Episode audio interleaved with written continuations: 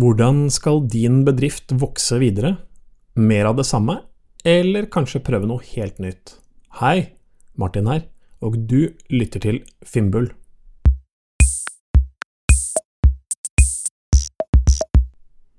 Når man driver strategiarbeid, har man ofte behov for å kategorisere forskjellige alternative retninger for videre vekst.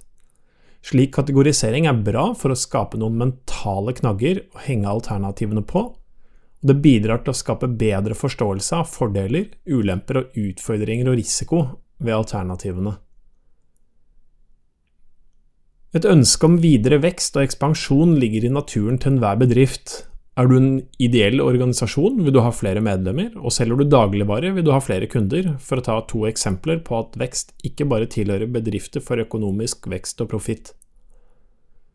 For å oppnå slik vekst er det mange måter å gjøre det på, og alt avhenger av hva du driver med i din bedrift og markedet du opererer i. Men den strategiske kategoriseringen vi her snakker om, kan være dekkende for mange. En strategi beskriver nå-situasjonen, hvor du er i dag, og et mål om hvor du vil være om f.eks. ett og fem år. Strategien er den som beskriver hvordan du skal komme deg fra nå-situasjonen og til målet. En smidig strategi har gjerne en kort tidshorisont og er tilpasningsdyktig for endringer etter hvert som man får erfaringer gjennom implementeringen, samtidig som man har en tydelig retning etter en visjon eller en eh, misjon. Når vi ser på nå-situasjonen og den tidligere nevnte kategoriseringen, kan vi plassere forskjellige alternativer for vekst i tre kategorier – exploit, explore, disrupt. Kategorien exploit er å fortsette med det vi allerede gjør i dag, og utnytte våre styrker blant eksisterende kunder og i et marked hvor vi allerede har en posisjon. Det er tiltak hvor vi gjør mer av det samme, men hvor vi gjør det mer effektivt, med lavere kostnader og bedre marginer. Normalt er dette en kategori som byr på lav risiko, fordi det er mer av det vi allerede gjør. Risikoen i denne kategorien er at vi overser eller velger vekk vekstinitiativer som kan gi større vekst. Kategorien Explore er å utforske tilstøtende alternativer nær opp til det vi allerede gjør i dag.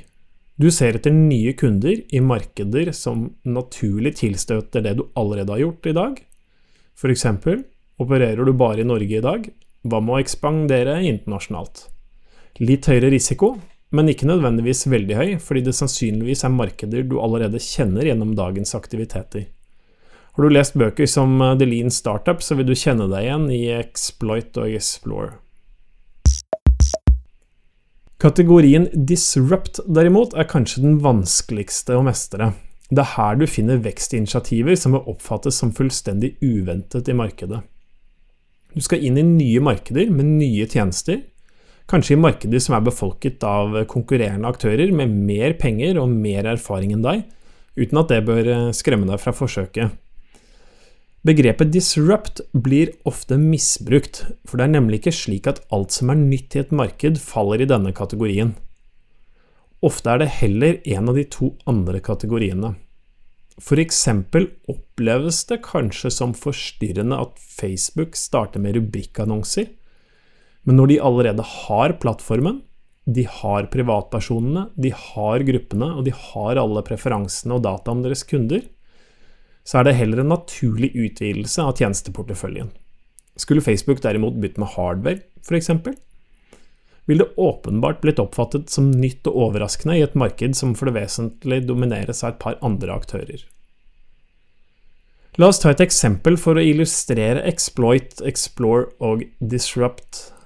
Si at du er en gambler på et kasino, og som vi snakket om i forrige episode av Finnbull, med The Multi-Armed Bandit Problem, står du overfor en lang rekke enarmede banditter.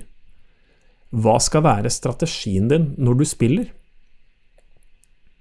Velger du exploit, så velger du deg den første og den beste maskinen du finner, og du bruker alle pengene på å beherske denne. Velger du explore, så prøver du ut alle maskinene, eller et utvalg av disse, og sprer pengene utover maskinene i håp om at en av dem vil gi utbytte. Velger du derimot disrupt, så er du the joker og brenner ned kasino og stikker av med alle pengene. Når du nå skal jobbe videre med din strategi for videre vekst, starter du som nevnt med å beskrive nå-situasjonen. Hvilke utfordringer har du i dag? Hvilke muligheter har du i dag? Kan du beskrive disse og plassere utfordringer og muligheter i de tidligere nevnte kategoriene exploit, explore, disrupt? En typisk utfordring i exploit-kategorien, altså markedet hvor du opererer i dag, er at markedsutbredelsen ikke er like god som du ønsker, at utbredelsen er lav og går tregt. Men samtidig ligger det en mulighet nettopp i tiltak som bedrer utbredelsen i eksisterende markeder.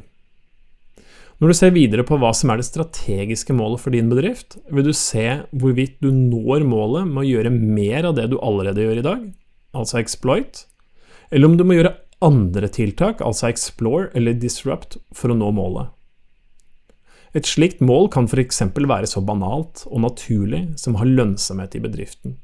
Min bedrift skal være lønnsom om ett år, men det forutsetter selvfølgelig realisme i målet, og denne realismen kartlegger man i strategiprosessen, hvor du ser på kostnader og inntekter i dag, og hvor du vil være, og ser om det er gjennomførbart.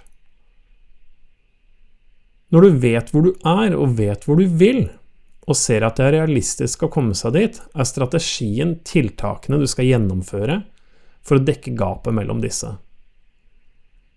Er det et stort uutnyttet potensial i dagens marked, altså exploit, eller trenger du å utvide aktivitetene i tilstøtende markeder, altså explore, explore, eller må du rett og slett tenke radikalt nytt, altså disrupt?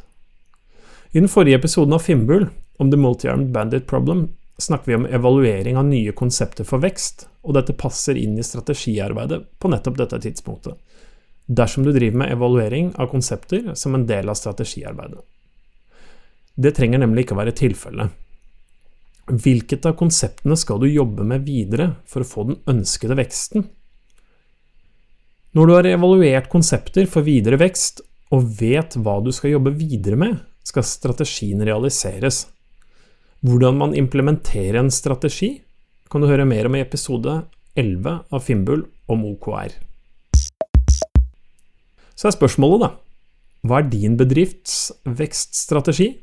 Mer av det samme, eller finne på noe nytt og uventet? Det er for meg ingen tvil om hva som er morsomst å jobbe med, men det er ikke åpenbart, og jeg håper at du har fått litt innsikt i hvordan du kan jobbe med videre vekst hos deg. Nå trenger jeg din hjelp jeg trenger hjelp til å dele erfaringene i Finnbull. Jeg trenger din hjelp til å dele Finnbull med minst én venn. Én venn hvor du tenker 'dette tror jeg du vil ha nytte av'. Be dem om å besøke finnbull.tech, fimbul.tech. Tusen takk for at du lytter til Fimbul, og for at du deler. Vi høres!